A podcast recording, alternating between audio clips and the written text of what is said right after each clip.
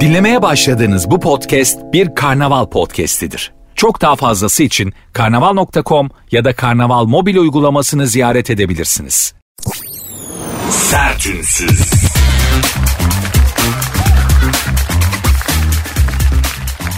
Herkese merhaba. Sertünsüz başladı. Ben Nuri Özgül. Saat 22'ye kadar günün, günlerin ve gündemin bünyenizle birlikte de negatif alıp birine bir miktar da olsa pozitif vererek sizleri kendi gerçekliğinizden kopartarak rehabilite etmeye çalışacağım hanımlar beyler. Zor bir iştir, kolay bir iş değildir. Ama yapmaya çalışacağız. Bizim de sanatımız bu. Bize de öğretilen bu. İnşallah elimden gelir inşallah. Sizi biraz mutlu mesut edebilirim. Bu zamanda çok zor. Bu zamanda etrafıma bakıyorum. Kimse kimseyi mesut etmeye çalışmıyor. Epiktetos der ki iyi biri olarak anılmak istiyorsan önce iyi sözler söyle insanlara. İyi sözler söylediğin insanlara daha sonra iyi şeyler yap. iyi davran. Onlara iyilikte bulun. Böylece çok mutlu bir hayatın olacak. Epiktetos kim? Epiktetos e, Stoa felsefesinin önde gelen isimlerinden biri.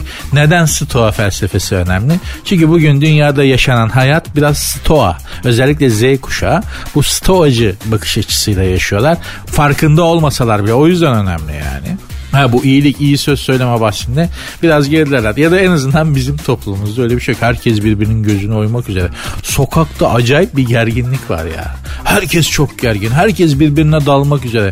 Hut yapınca geçen gün metroda çocuğum biri önüme geçmek istedi. İşte bir yere gidiyorduk sırayla metroda. Tam önüme geçmek istedi. Böyle bir bakıştık birbirimize. Geç kardeşim dedim alttan. Estağfurullah abi dedi. Geç kardeşim demesem bir, birbirimize dalabilirdik ha. Bir an böyle durduk ikimiz de ona yani sonra dedim ben ne gerek var. Geç kardeşim buyur önden buyur dedim. Estağfurullah abi diye o da alttan aldı. Söyleyeceğim şey çok basit aslında. Yani her an bir kavgaya girebilirsiniz. Her an böyle çok tehlikeli bir mevzunun ortasında kalabilirsiniz. Ortada hiçbir sebep yokken. Hatta müsebbibi sizde hiç alakası bile olmayabilir.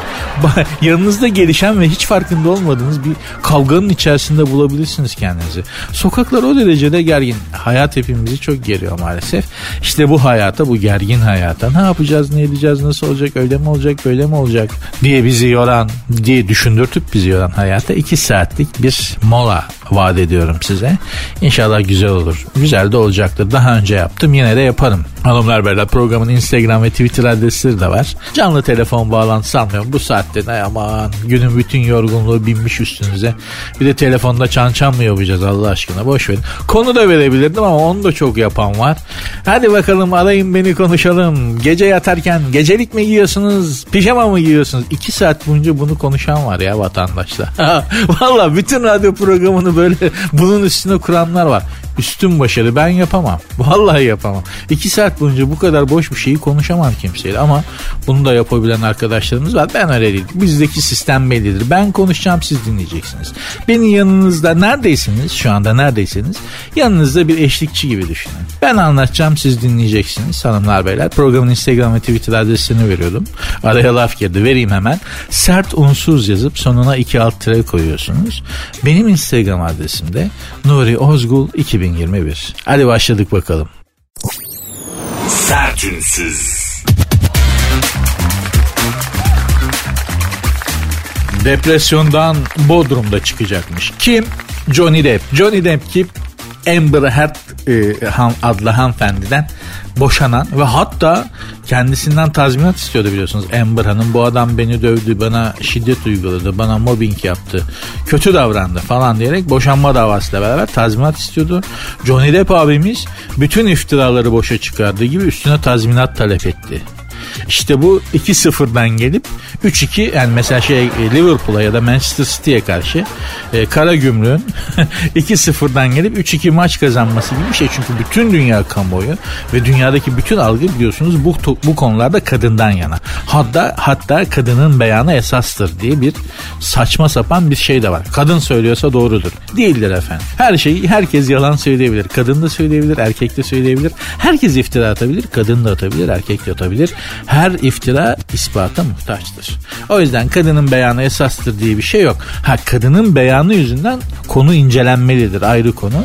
Ama kadının beyanı esastır o ne diyorsa da e, öyle bir şey yok hiç. O kadar da değil yani. Ama bir kadın bu adam bana şiddet uyguladı şöyle yaptı böyle yaptı diyorsa o konu araştırılmalıdır tabii ki incelenmelidir yani adli olarak oraya bir itirazımız yok. Neyse Johnny Depp abimiz tabii stresli adam ya adam ödem yapmış ya. Bu adam böyle sinirden et tutmamış bir deri bir kemik bir adamdı. Ben bu adamı gördüm şeyde Cannes Film Festivali'nde. Gerçekten zargana gibi bir adamcağızdı bu. Ya adam nasıl şişmiş sinirden, stresten baba. Yedikçe yedirmiş bir de tuzlu yemiş ki acayip ödem yapmış. Acayip su tutmuş ya da babanın böbreklerde bir şey var. Böbrekleri iyi süzmüyor. Bilmiyorum. Johnny abi bir üroloğa gidip böbreklere baktırır artık. Onu da ben söyleyecek değilim ama stresli bir dava sürecinden çıktı. Ve e, depresyona da girmiş hafiften. Kendisi Bodrum'da çık çıkacakmış. Öyle karar vermiş. Bodrum'da tatil yapıp depresyondan çıkacak. Bunu da şey Kate Moss tavsiye etmiş. Demiş ki Bodrum'a git acayip depresyondan çıkartıyor. Kate Moss da eski aşkı babanın. Anlatabiliyor muyum?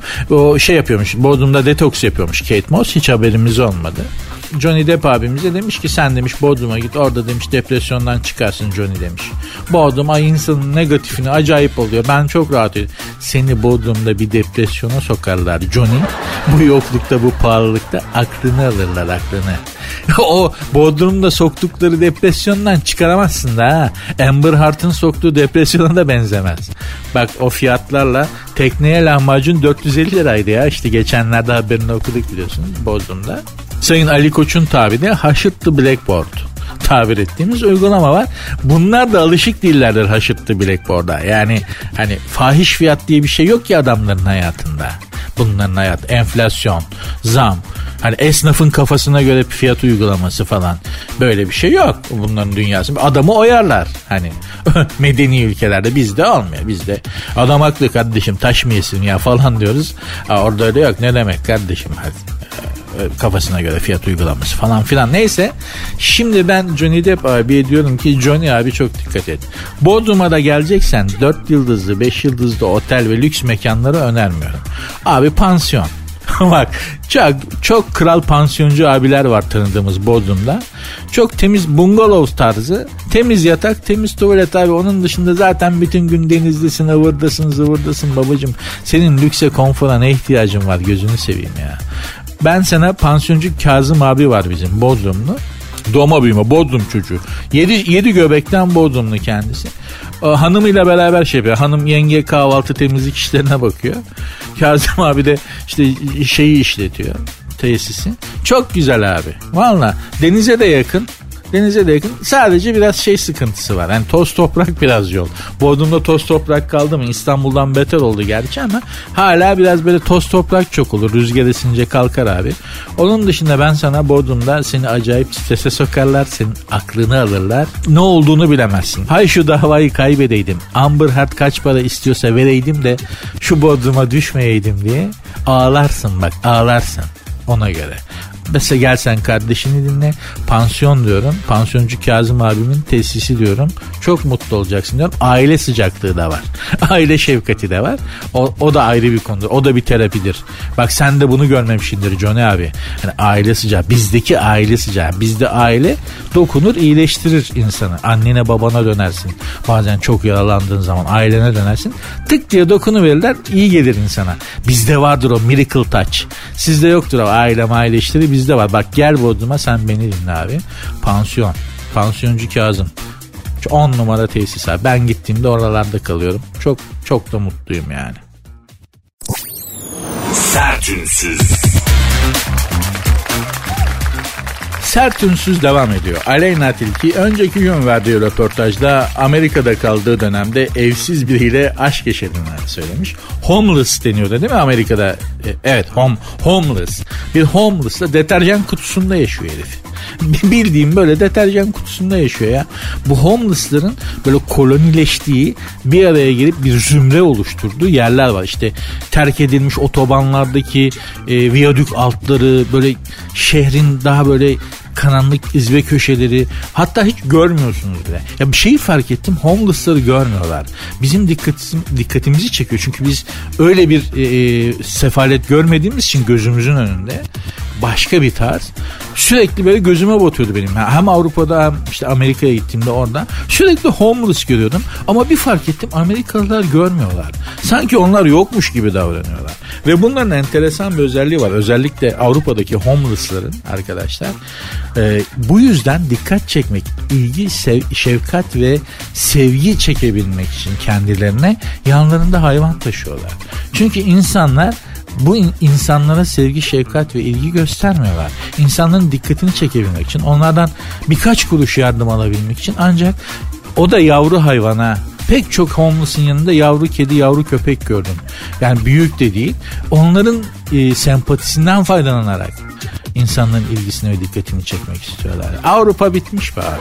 Valla hani bunu da buraya bağ- bağlamak istemezdim ama Avrupa'da insan tamam paraları var ama insaniyetlikleri yok be abi.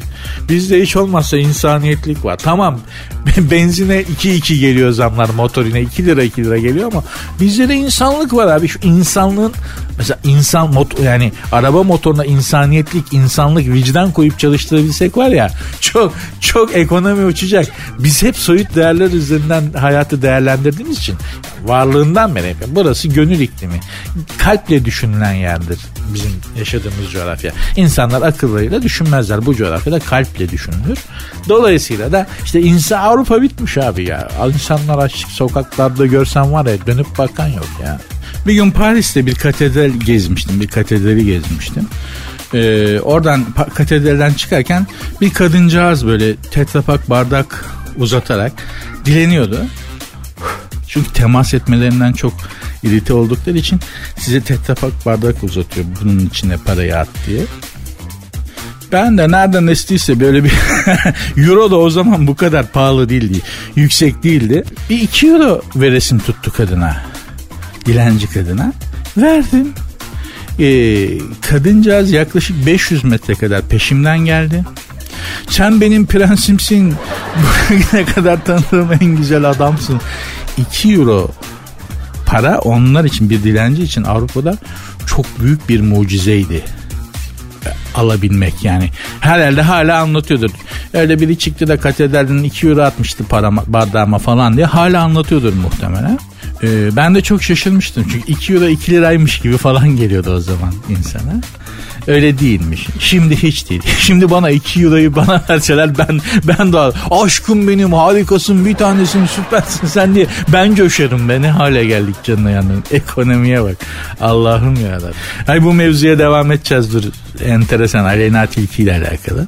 Evet devam ediyoruz. Aleyna Tilki önceki gün verdiği röportajda Amerika'da kaldığı dönemde evisiz, evisiz pardon burada baskı hiç çıkmamış. Homeless biriyle aşk yaşadığını söylemiş. Hatta onun cep telefonu olmadığı için iletişim sorunu çıkmış aralarında. Çünkü adam homeless. Deterjan kutusunun içinde yaşıyor. Market e, market arabasının içinde uyuyor falan yani öyle adamlar. Çok enteresan cool tipler. Hatta internette YouTube'da böyle videoları var. Bu homeless'lardan bir tanesini alıyorlar mesela. Adam 6 senedir yıkanmamış. Saç sakal birbirine karışmış böyle. İnsan olduğuna dair artık çok az emare var. Ee, mahvolmuş adam sokaklarda yaşamaktan. Adamı alıyorlar hamama götürüyorlar, yıkıyorlar, paklıyorlar, tıraş ettiriyorlar, tıraş ettiriyorlar. Bir kişisel bakım, bir cilt bakımı yapıyorlar. O homeless, perişan, neredeyse artık böyle tersine evrilmiş orangutana doğru geri giden adamdan ilah böyle Yunan heykeli gibi bir adam çıkıyor. Vay falan filan. Kadınlar aşık oluyor falan. Müthiş bir aslında kül kedisi hikayesi. Anlatabiliyor muyum? Formül bellidir. Her insan kül kedisi hikayesine tav olur. Yani çirkin ördek yavrusu birden güzelleşir. Tavus kuşu olur falan. Bak masallardan gelir bu bir arketiptir kül kedisi, çirkin ördek yavrusu arketipleri insanları çok tavlar. Dizilerde, sinemada da hep kullanılır zaten böyle. Bir tür hayattan revanş gibidir yani. Neyse işte böyle Alena Tilki de bu homeless'lardan biriyle aşk yaşamış.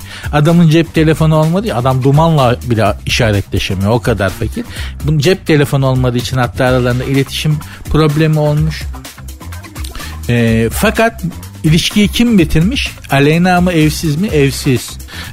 Senin demiş bu lüks yaşam tarzın demiş. Ee, bana uymuyor demiş. Sen çok renkli yaşıyorsun kusura bakma ben sana ayak uyduramam. Hadi naş demiş Aleyna Tilki.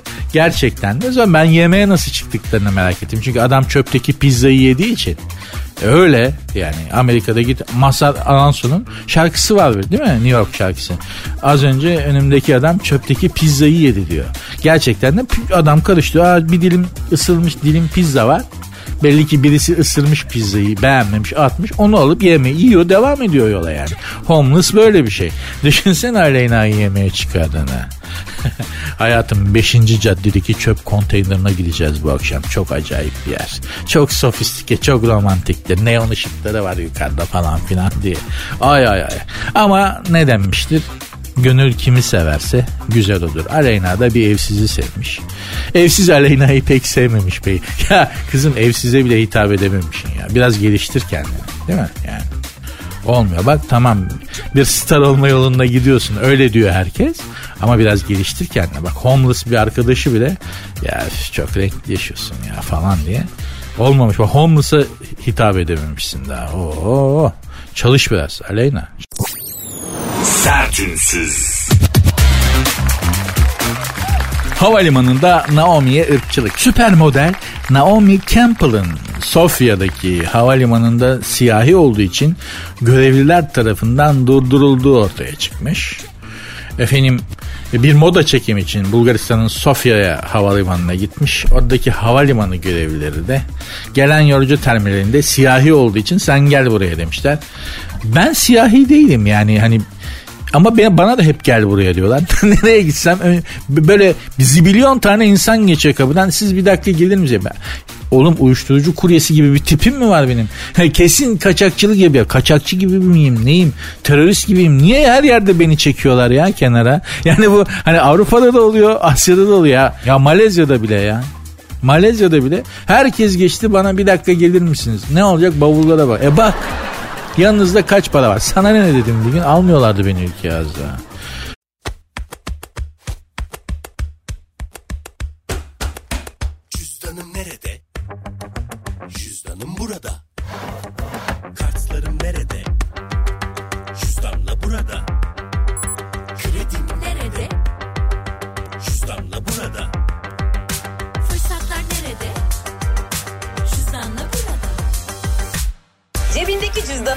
ülkeye az daha. anında kullanmaya başla.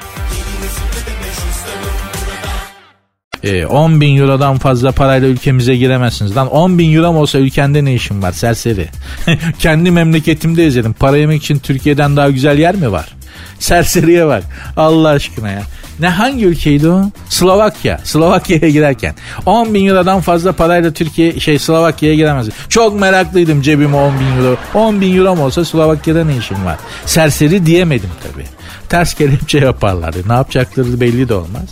Neyse Naomi Campbell'a da işte ee, kenara çekmişler manken çevresine Naomi Campbell çevresine demiş ki beni demiş sırf sırf demiş siyah tenli olduğum için kenara çektiklerini hissettim.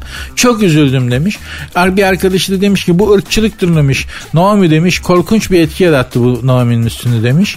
Çekime heyecanla gitti, mutlulukla gitti ama Sofya'da karşılaştığı ırkçılık nedeniyle e, oradaki seyahatini çok kısa tutma kararı. Ya bu biraz da artık paranoyaya dönmüş durumda. Tamam bir ırkçılık var da yani siyahi arkadaşlar da bunu aşırı kullanıyorlar yani. Hani mesela Şimdi niga ya da negre, negro e, ne, ya da niga işte zenci demek. Tamam? Bu çok ağır bir hakaret. Yani bir siyahiye dünyanın herhangi birine özellikle ama da hey niga dediğin zaman kan çıkar. Yani seni orada haşet ederler ya da işte bu gerçek bir ırkçılıktır yani rasizme girer anlatabiliyor muyum? Ama hani ben niga negro diyemiyorum ya bütün zenciler birbirine hey niga diye söylüyor. Oğlum siz söylüyorsunuz bundan. Ya siz kendi aranızda birbirine hey zenci hey kara kafa deyince bir şey olmuyor da ben niye söyleyince bir şey oluyor? Allah'ım ya Rabbim ya bir de her şey ırkçılık yani. Hey bana böyle bakıyorsun ama siyah olduğum için mi? Ne bakacağım sana siyah olduğum için? Serseriye bak. Bana ne? Allah seni siyah yaratan Allah beni beyaz yaratmış. Bunu da köpek olarak yaratmış. Şunu da kedi olarak yaratmış yani. Ben ne bileyim arkadaşım. Ama bunu çok kullanıyorlar. Yani bu ırkçılık hassasiyetini bunun sonu tersine dönmektir. Çünkü tasavvufta çok öz, özel bir şeydir gerçekten. Hayatın her alanında uygulanması gereken bir e, tasavvufi kuraldır. Şimdi hangi mutasavvufun sözü bilmiyorum ama haddini aşan zıddına döner diye bir söz var. Haddini aşan zıddına döner. Yani bir şeyde sınırı aştığın zaman artık o konuda terse gitmeye başlarsın. Bence bu ırkçılık konusunda şimdi Naomi aşırı bir şey göstermiş yani. Ya beni kenara çektiler ama siyah olduğum için. Kızım beni her yerde kenara çekiyorlar. Benim tenimin rengi beyaz. Ya beni Ruslara benzetirler. Kapalı çarşı. Hangi millete benzediğini öğrenmek mi istiyorsun? Kapalı çarşıya gideceksin İstanbul'da. Tabi İstanbul'da kapalı çarşıya git sana hangi dilde eğer başka bir kavimden birine benziyorsan Türk değilmiş de başka bir kavimden misin gibi bir havan varsa onu sana kapalı çarşıda hemen hissettirirler. O, ülkenin diliyle hitap ederler. Madame va hadi anla ki Fransızca. Hey sir falan filan dediği zaman o ne oldu belli. İngilizce herkese söyleniyor da her Fraulein falan dedikleri zaman ha demek ki sen Alman bana mesela Rusça sesleniyorlar hep. demek ki ben Ruslara benziyorum. Daha ne çıkar zıbıra çıkar falan diye. Efendim canım diyorum. Pardon abi diyor eğer bir yabancı millete benziyorsan mesela benim Japon'a benzeyen arkadaşım vardı. Vardı da öyle yani aslında e, şey Türk olduğu halde Japon'a benzer adam yani. Bakınız işte ne diye Serdar Ortaç gibi örnekleri var. İçimizde şu bunlar senin benim gibi bu memleketin çocuğu ama Fiziksel olarak bir Japon çağrışım var. Gel dedim gidelim kapalı çarşıya bir gezelim şöyle. Gerçekten Japonca seslendiler. Gerçekten bak.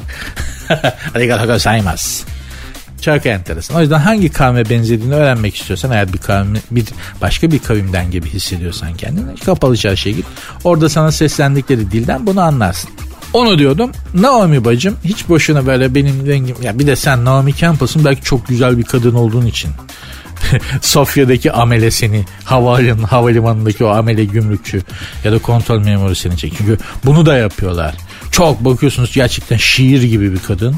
Çok hoş bir kadın yani hani ömründe bir kere görebileceğim bir kadın.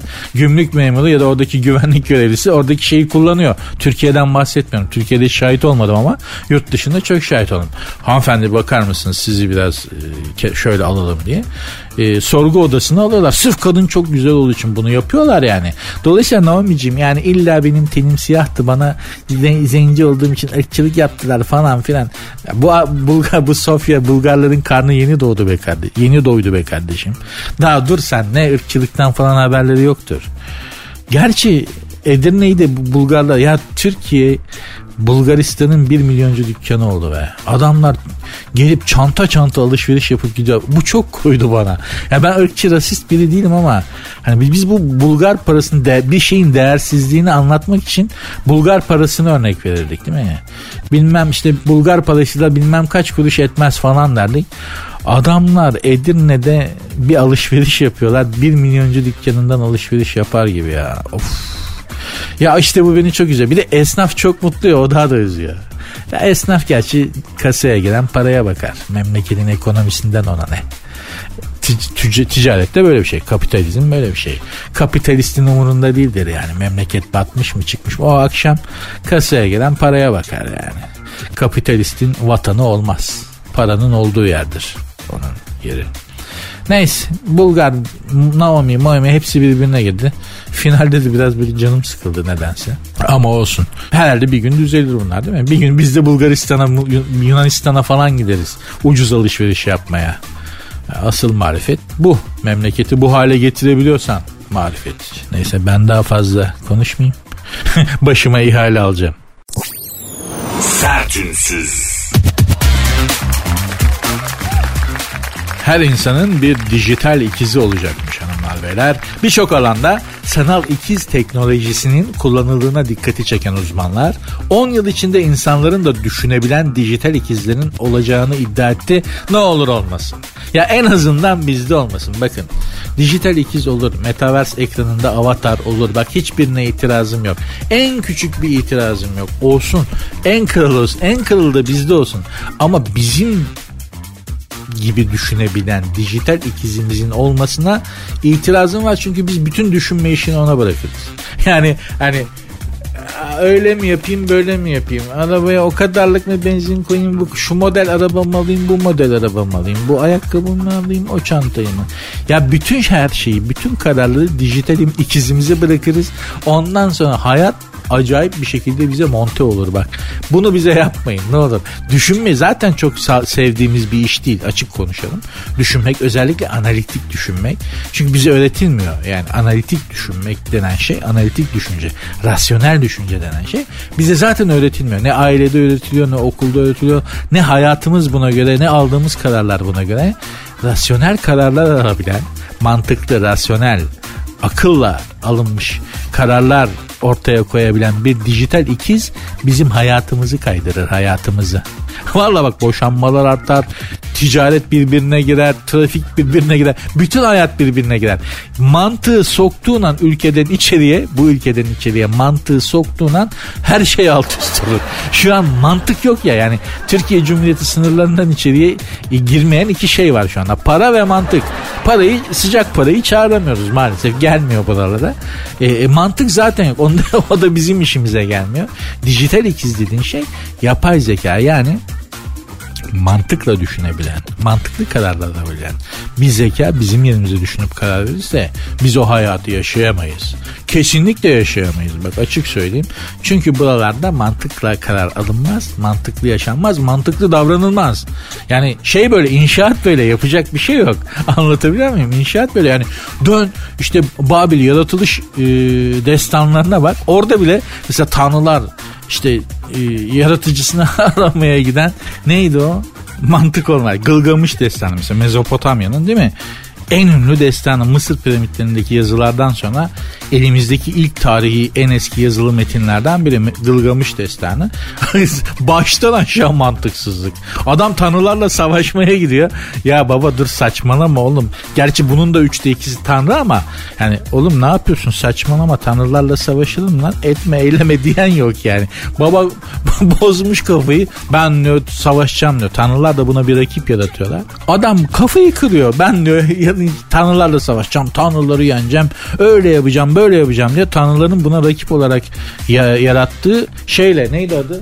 Ben Enkidu'yla savaşacağım diyor. Enkidu da tanrıların Gılgamış'a rakip olsun diye yarattığı başka bir e, varlık. Bunlar kavga ederken birbirlerinden hoşlanıyorlar. Yani birbirlerinden hoşlanıyorlar derken böyle alt alta alt alta üst üste boğuşurken e, Gılgamış'la Enkidu e, böyle birbirlerinin boğazını sarılırken sarmaş dolaş olmuş. Ya lan ya bu iyi çocuk ha delikanlı bir adama benziyor falan diyor. Bunlar birbirlerini seviyorlar kavga ederken. Bazen olur o. Kavga ettiğin adamdan aslında güzel delikanlı ha falan dersin. İçten içe hak verirsin ama bir yandan vurmaya devam edersin. Vardır erkek dünyasında bu. Bunlar da böyle yaparken kanka oluyorlar. İkisi birden acayip kanka oluyor. Ee, bir olup önüne gelene dalmaya. Bakın sıfır mantık şu ana kadar. Sıfır. Hiçbir şey mantıklı gitmiyor farkındaysanız. Düşmandılar kanka oldular beraber millete sarmaya başladılar. Oğlum sizin gözünüze ne göründü? Ee, yok. En sonunda İştar diye bir kadın çıkar. Gılgamış'a aşık olur. Gılgamış da ona pas vermez. Bu sefer İştar gider tanrılardan bana azgın bir boğa verin de şu Gılgamış'ın üstünde salayım der. Gerçekten de kudurmuş bir boğa verir tanrılar İştar'a. Gılgamış'ın üstü. Kadın intikam alıyor adamdan. Kendine aşkına cevap vermeyen adamdan intikam alıyor. Kara bir azgın boğayı Gılgamış'ın üstüne salıyor. Enkudu araya giriyor. Vay benim kankama boğa salmak ha diye. Boğa. Bakın hiç mantık akıl, izan var mı? Yok. bu coğrafyanın en büyük destanlarından biri bu. E geç işte bak e, Davut'la Golyat'ın hikayesi. Golyat büyük bir dev. Çok çok güçlü. Büyük bir savaşçı. Davut senin benim gibi yani peygamber tabii bizim inancımıza göre ama senin benim gibi bir insan. Hikayenin anlatılışına bak.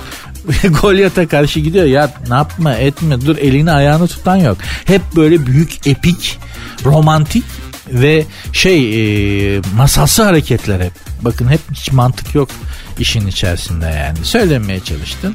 Memleketten içeriye mantık girerse bizim hayatımız çok değişir. Pek çoğumuzun da işine gelmez. Gelmez yani. Çünkü değişim işimize gelmediği için değişmek zor iş. O da çok zor yani hakikaten. Bize bize daha da zor yani. Programın Instagram ve Twitter adresini hatırlatmadım. Ee, belki bir şeyler yazmak istersiniz itiraz edeceğiniz şeyler olabilir. Olabilir. Geçen gün Galatasaraylı bir arkadaş Ee, sen ne biçim konuşuyorsun ya sen kimsin ya Galatasaray hakkında böyle konuşuyorsun diye bir şey yazmıştı sonra izah ettim anlaştık. Olabilir yani belki yani ters bir şey söylemişimdir size uymayan muhatap olmak istersiniz olur evelallah. Hep her zaman baklava börek olmaz. Onun da başımızın üstünde yeri var. Programın Instagram ve Twitter adresini vereyim. Sert unsuz yazıp sonuna iki alt tere koyuyorsunuz. Sert unsuz yazıp sonuna iki alt tere koyuyorsunuz. Benim Instagram adresim de Nuri Ozgul 2021. Sertünsüz.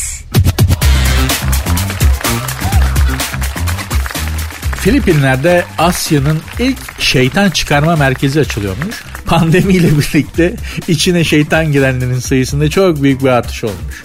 Katoliklerin en yoğun olarak e, yaşadığı ülkelerden Filipinler'de dünyanın olmasa da Asya'nın ilk şeytan çıkarma merkezi ruhen sıkıntıda olanları kabul etmeye başlayacakmış.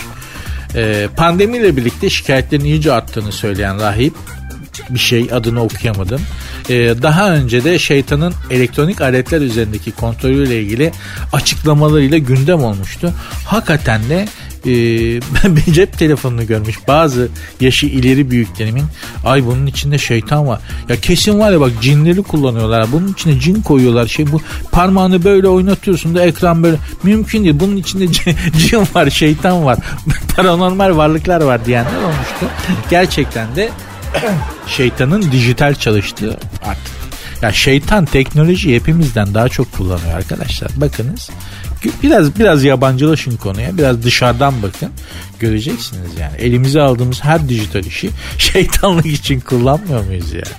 Allah aşkına. Hayrına dijital kullanan var mı ya içimizde? Ha? Yani işte Kızılay Afrika'daki açlar kuyu yaptırmak için işte kurbanda falan hani ihtiyaç Ramazan bayramında ihtiyaç sahiplerine işte şunu yaz da şuraya gönder. O para da gidiyor mu bilmiyoruz ama yani öyle işte en, en kabadayı dijital hayrına kullanılan en kabadayı, kabadayı dijital bu. Onun dışında hep şeytanlık hep Lucifer'lık. Ben Filipinlerin Asya'nın ilk şeytan çıkarma merkezi toplu olarak çıkartıyorlarmış.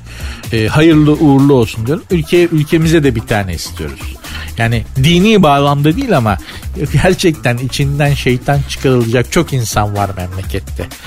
Herkes daha doğrusu bizde daha çok şeytan değil de cin var. Herkes cin olmuş adam çarpmaya çalıştığı için bir şekilde kendi janrında kendi kalibresi, kalibresinde dolayısıyla da içinden acaba cin çıkarmak da şeytan çıkarmak gibi mi? O arada cin diyemiyoruz değil mi bu arada rütük kuralları gibi. Özür dilerim.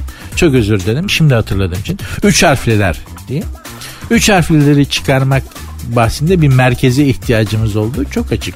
Önünde kuyruk olur kilometrelerce. İçinden şeytan üç harfli çıkartılacak çok insan var memlekette. Aman aman aman. Yalnız bunun e, prosedür yani şeytan exorcism filminden hatırladığımız gibi ise işte kutsal su mutsal su falan o işler bize ters. Bunu gerçekten böyle hani safra kesesinden taş alır gibi apandisit alır bademcik ameliyatı gibi hani bilimsel tıbbi bir şeyi varsa içe kaçan şeytan bir de şeytan insana nereden geliyor? Yani o da girdiği yerden çıkartılıyor ya şeytan benim bildiğim. Bu e, Katoliklerin uyguladığı şeyden bahsetmiyorum genel şeyden bahsediyorum. Dini ritüelden bahsetmiyorum arkadaşlar. Genel algıdan bahsediyorum. Bir şey bir yere kaçmışsa o girdiği yerden çıkartılır. E, dolayısıyla şeytanın insana nereden girdiği çok önemli. Hani bunun da belli başlı yerleri var değil mi yani? Oralardan Allah korusun yani. İnşallah kulaktan ağızdan falan giriyordur. Yoksa bırak bırak içinde şeytan içinde dursunlar. Zaten herkes içinde bir şeytan var. İçinde havlayan ego denen o köpekle beraber yaşıyor. Hepimizin içinde bir miktar şeytanlık var. Yani var şeytanlık dediğim aslında işte ego dediğimiz şey. Maalesef bütün disiplinlerde, bütün inançlarda bunu susturmak, bunu adam etmek. Ama mesela mutasavvıflar, tasavvuflar der ki nefsinle savaşma. Ona iyi davran. Çünkü o kötü davrandıkça azgınlaşan bir köpektir. Ona arkadaşça davran. Usul usul. uhuletle ve suhuletle yanaş. Nefis mücadelesini sert çarpışarak, çatışarak yapma. Güzel güzel arkadaş olarak yap. Onu böyle güzellikle yola getir der. Belki de yaşadığımız sıkıntılardan birinin sebebi de kendi iç çatışmalarımızı çok sert yaşıyor olmamızdır. Bir de arkadaş kanka olmayı deneyelim bakalım içimizdeki o çatışmada karşı tarafla. Belki daha güzel, daha mutlu bir hayatımız olur. Kim bilir. Sertünsüz.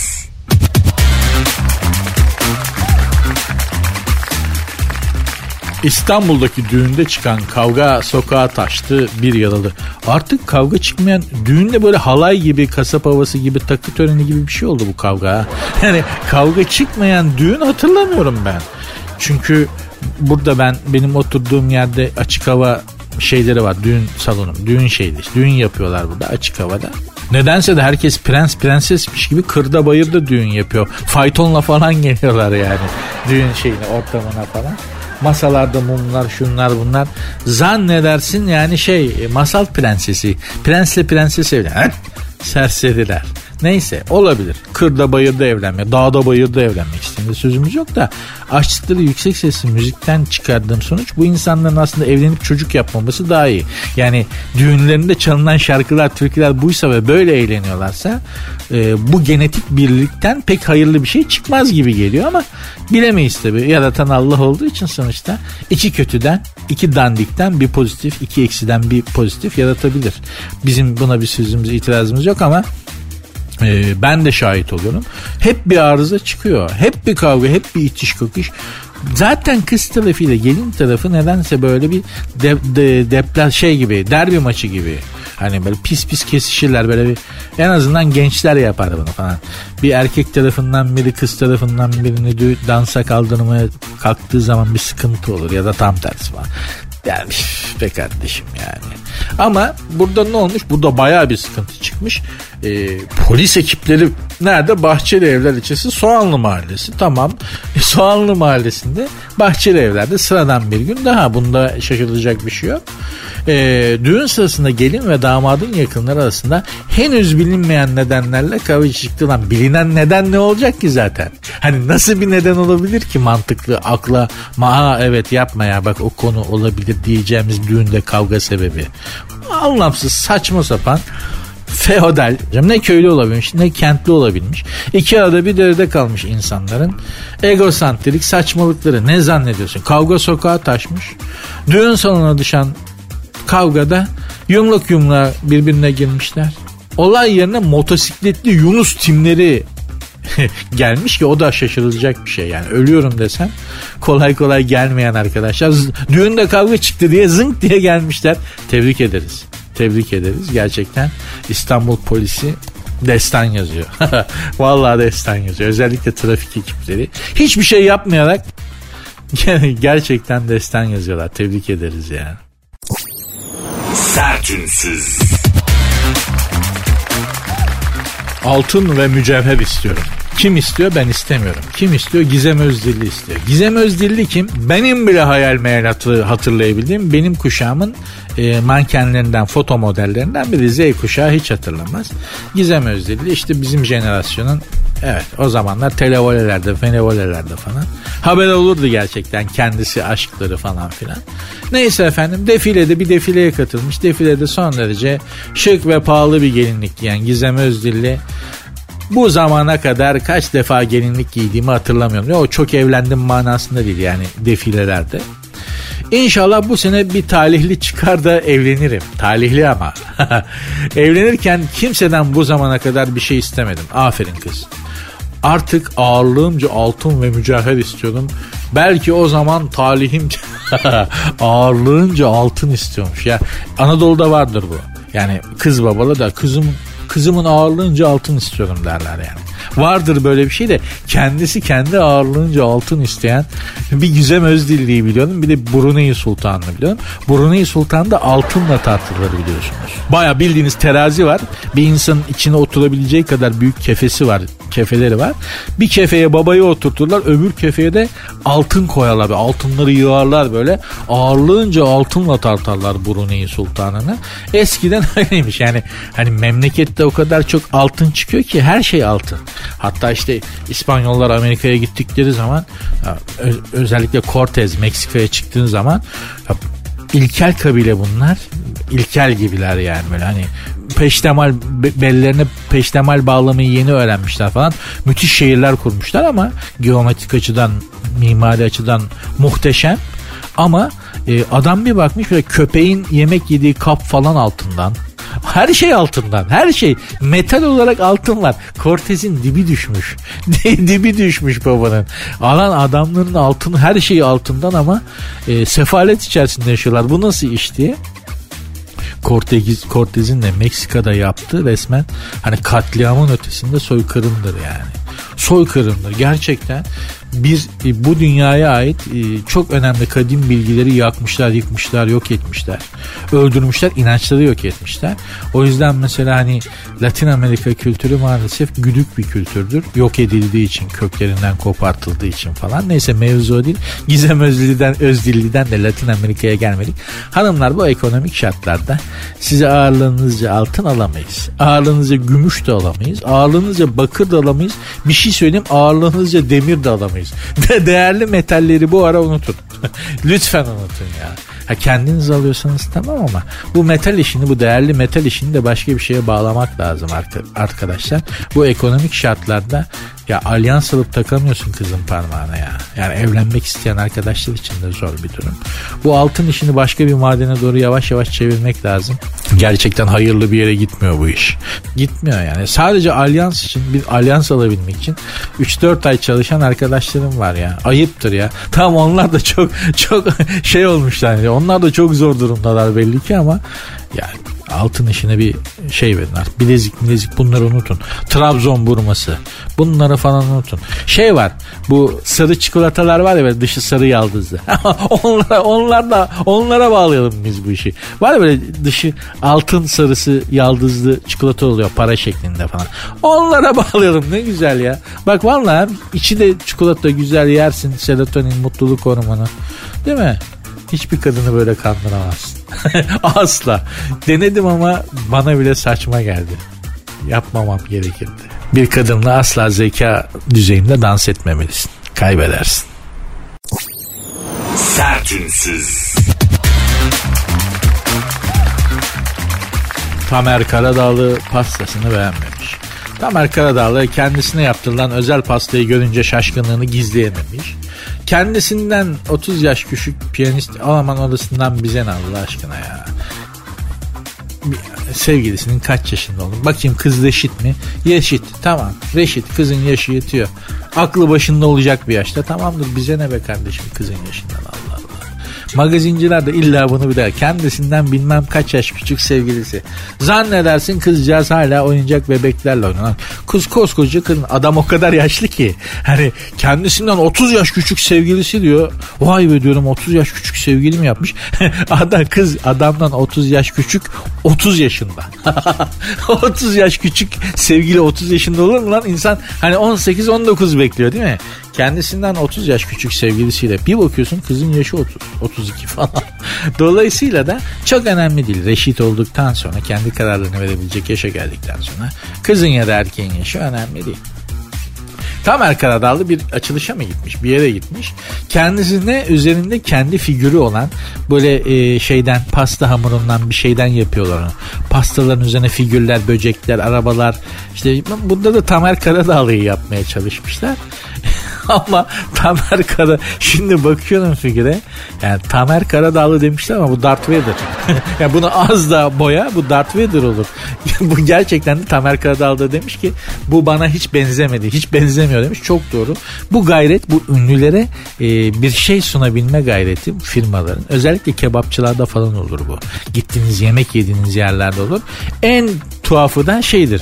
E, lavaşın üzerine e, dükkana gelen kebapçıya gelen ünlünün adını lavaşın üzerine yazıp ünlünün eline vermek ve o fotoğrafı çektirip kebapçının dükkanına asmaktır. Bakın böyle e, şeyi biraz kalburüstü kebapçılara gidin. Böyle bütün ünlüleri görürsün. Avel avel böyle lavaş tutuyor. Üstünde adı yazılmış susamlarla. Tamam. Bütün ünlüler Bülent Ersoy'undan tut Cem Yılmaz'ına kadar hepsi böyle bir avel avel bakarak Garfield gibi sırıtarak poz vertirdiler. Kebapçıda kebapçıya gittiğin zaman artık ne kadar ünlü olursan ol dominant olan kebapçıdır. Sen edilgensin. Et odur. O sana ne yaparsa hiç şansın yok. Ben Kadir abiyle gitmiştim. Kadir Çöptemir'de böyle bir Etiler'de bir kebapçıya gitmiştik. Sağ olsun Kadir abi ısmarlardı her zaman. Hiçbir zaman elimizi cebimize attırmadı. Asla attırma. Bu dünyada en şanslı insanlardan biri de Kadir Çöptemir'e misafir olan insandır. Kadir abinin izzeti ikram. Ben gördüm ama Kadir abideki gibi görmedim. ya. Böyle bir izzet ikram misafire ihtimam hiçbir yerde görmedim. Neyse mevzu o değil. Kebapçıya gittik şey kalibreli bir kebapçı. Ünlü böyle hani magazin haberlerinde falan da böyle görünür. Gittik kebapçıya. Kadir abi de ilk defa gitti. Tanıdılar. O abicim şu bu falan. Oturduk neyse. Ah, lavaş. Şimdi Kadir lavaş bir standardı vardır ya lavaşın. Ünlünün adını soyadını yazarlar. Kadir Çöpdemir uzun olduğu için herif lavaşı uzun tutmuş. Sığdırabilmek için. Fakat başlangıç yeri de ayarlayamamış. Lavaş geldi tabii. Üzerine susamla hiç şansı var mı ya? Mutlaka gelecek o. Üzerine adın yazılmış lavaş. Lavaş geldi. Baktım iki garson taşıyor. Ben hemen şeyi kurdum. Yani dedim ki isim uzun Kadir Çöpdemir. Küçük lavaşa sığdıramadılar susamla. Usta da eli biraz kabaysa harfler büyük olmuştur. Uzun lavaş kullanmışlar. Fakat baba gene başlayacağı yeri doğru kestiremediği için Kadir diye büyük başlıyor. Çöp çöp P'den sonra sığmayacağını hissetmiş baba. Harfler küçülüyor ve aşağı doğru eğriliyor. Sığmayacağı zaman öyle olur ya sayfaya yazarken de. en son runik alfa, Latin alfabesinden de vazgeçmiş, vazgeçmiş sığmayacağı için. Mir kısmı runik falan öyle ona bağlamış. Yüzüklerin Efendisi'nde yüzün üstündeki harfler var o runik alfabe o meşhurdur. Türklerin de biz Türklerin de ilk alfabesidir. Runik alfabe. Yani evrensel alfabelerden biri. Neyse baba en son çöp demir böyle aşağı doğru ufalarak ve aşağı doğru eğrilerek son miri falan anlamak için Kadir abiyi tanımak lazım yani. Öyle bir lavaş vardı. O fotoğrafta duruyor mu merak ettim. Gidip bakacağım. Bir arada bir gitmiştim bak e, dikkatimi çekmişti asmışlardı. Fotoğraf duruyorsa gideyim bakayım eski günleri bir ya dedim. Ünlü olmanın da başka bir numarası yoktur işte. Lavaşa böyle adını yazarlar falan yani. Bir de trafik çevirmesinde polis tanısı geç abi der. Başka da bir gerçekten hatırlamıyorum yani ünlü olmanın bir avantajını hatırlamıyorum. Yok. Yok. Sertünsüz.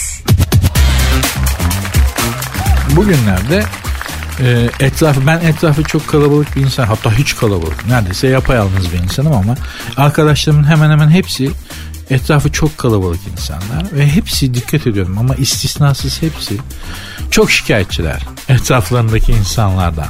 Onlarla birlikte olmaktan şikayetçiler. Muhtemelen etraflarındaki insanlara sorsak onlar da onlardan. Şimdi bu böyle zincirleme hani e, işte kapıcı hizmetçi, hizmetçi uşağı, uşak şoförü, şoför hepsine formülü Cem Yılmaz'ın. Gerçekten de kime sorsanız e, ötekinden şikayet edecektir. Pek çok arkadaşım etrafı kalabalık sosyal hayatı kuvvetli arkadaşlarımın hemen hepsi e, hayatlarındaki insanlardan, etraflarındaki insanlardan şikayet ediyorlar. Mutsuzlar onlarda olmaktan, onlardan şikayetçiler falan filan. Fakat ve fakat e, bütün geçen gün biriyle dertleşiyorduk da anlattı işte şöyle böyle falan filan. Şey düşündüm ona dedim ki yani Seneca'nın bir sözü geldi aklıma. Dünya yüzünde güneş ışığını görmeye layık olmayan pek çok insan var. Ama güneş her gün yeniden doğar. Kendisine layık olmayan pek çok insan olmasına rağmen güneş doğmaktan vazgeçmez. Bu Seneca'nın ünlü devlet adamı, siyasetçi ve filozof e, Seneca'nın bir sözü. Yeryüzünde gün ışığına layık olmayan pek çok insan olmasına rağmen güneş her gün yeniden doğar.